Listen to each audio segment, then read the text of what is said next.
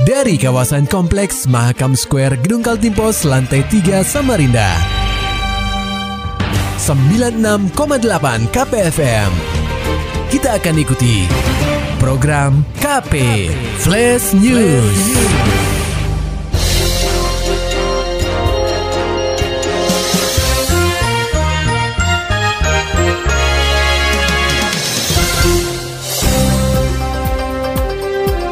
Anda sedang menyimak program KP Flash News bersama saya Agung Pratama. Berita utama. Pemberlakuan pembatasan kegiatan masyarakat atau PPKM level 4 di Samarinda kembali diperpanjang selama dua pekan, terhitung pada 10 Agustus hingga 23 Agustus 2021.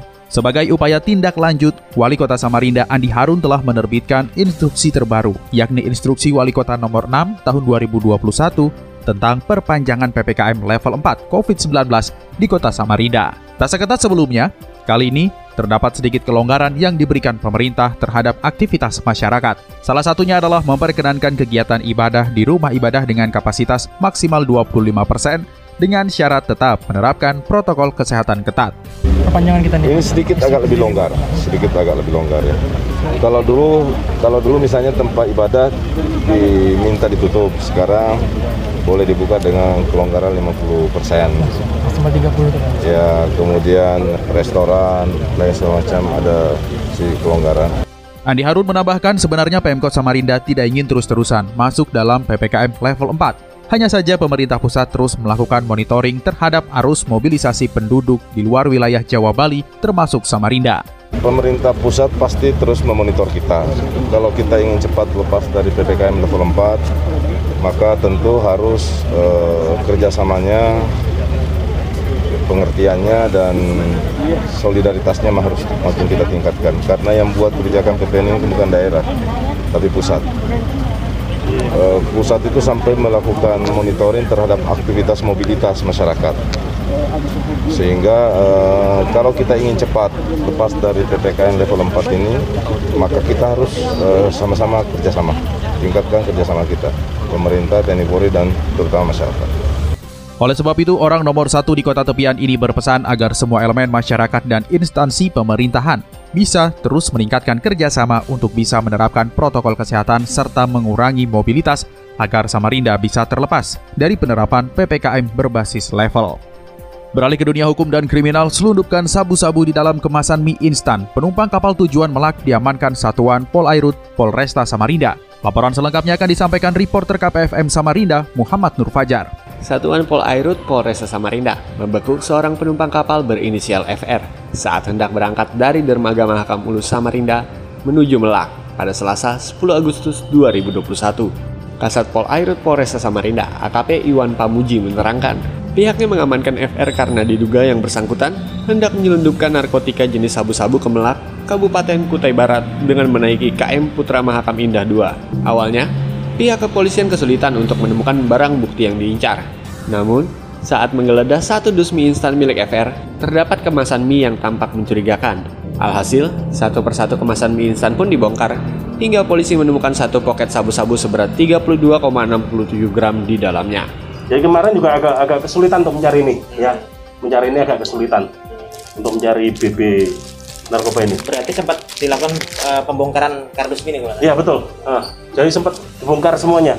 Jadi tetap uh, sebagian sudah kita buka semuanya, ya. Makanya karena ada beberapa yang dicurigai kemarin, ada uh, kayak gini kan ada bakaran kemarin ada beberapa yang enggak enggak apa namanya rekatannya enggak enggak asli gitu loh. Ya itulah yang kita curigai. Ini ditaruh paling bawah. Paling bawah ya. Paling bawah.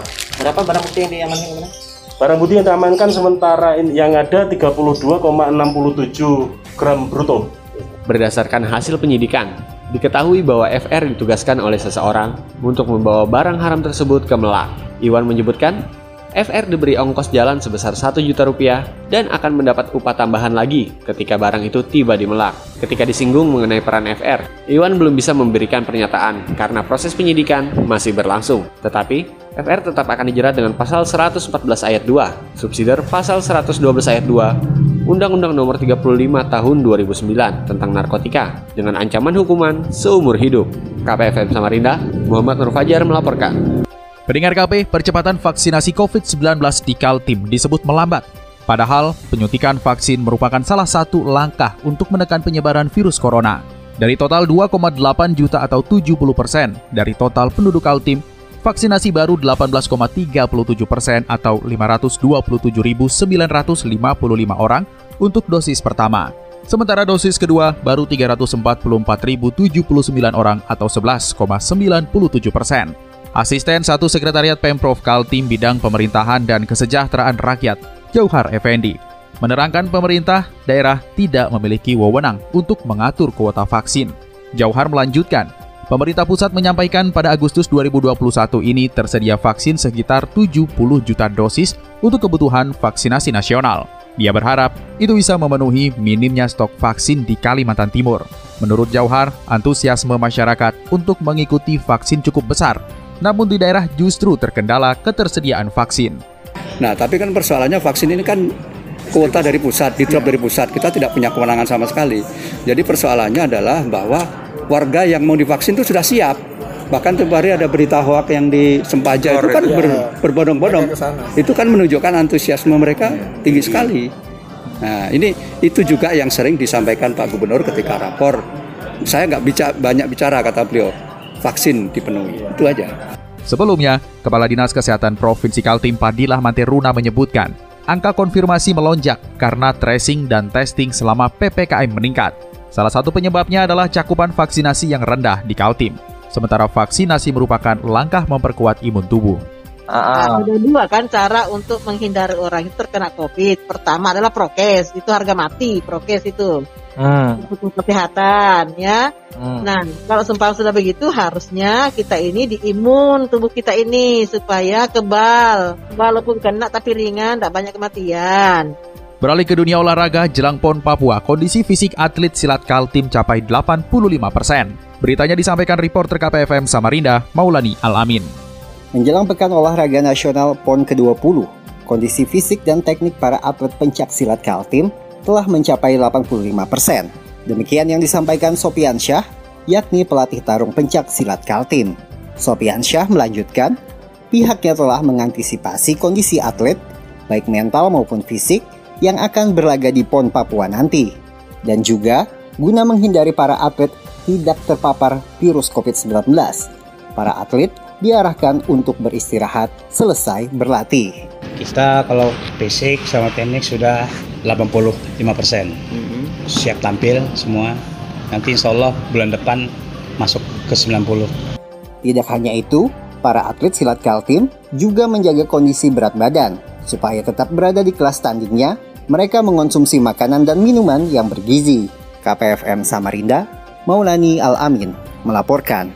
Maulani Al-Amin, Muhammad Nur Fajar, KPFM Samarinda serta dapatkan berita-berita selengkapnya di www.968kpfm.co.id. Demikian tadi telah kita simak rangkaian berita-berita yang terangkum dalam program KP Flash News. Persembahan dari 96,8 KPFM. Terima kasih dan sampai jumpa.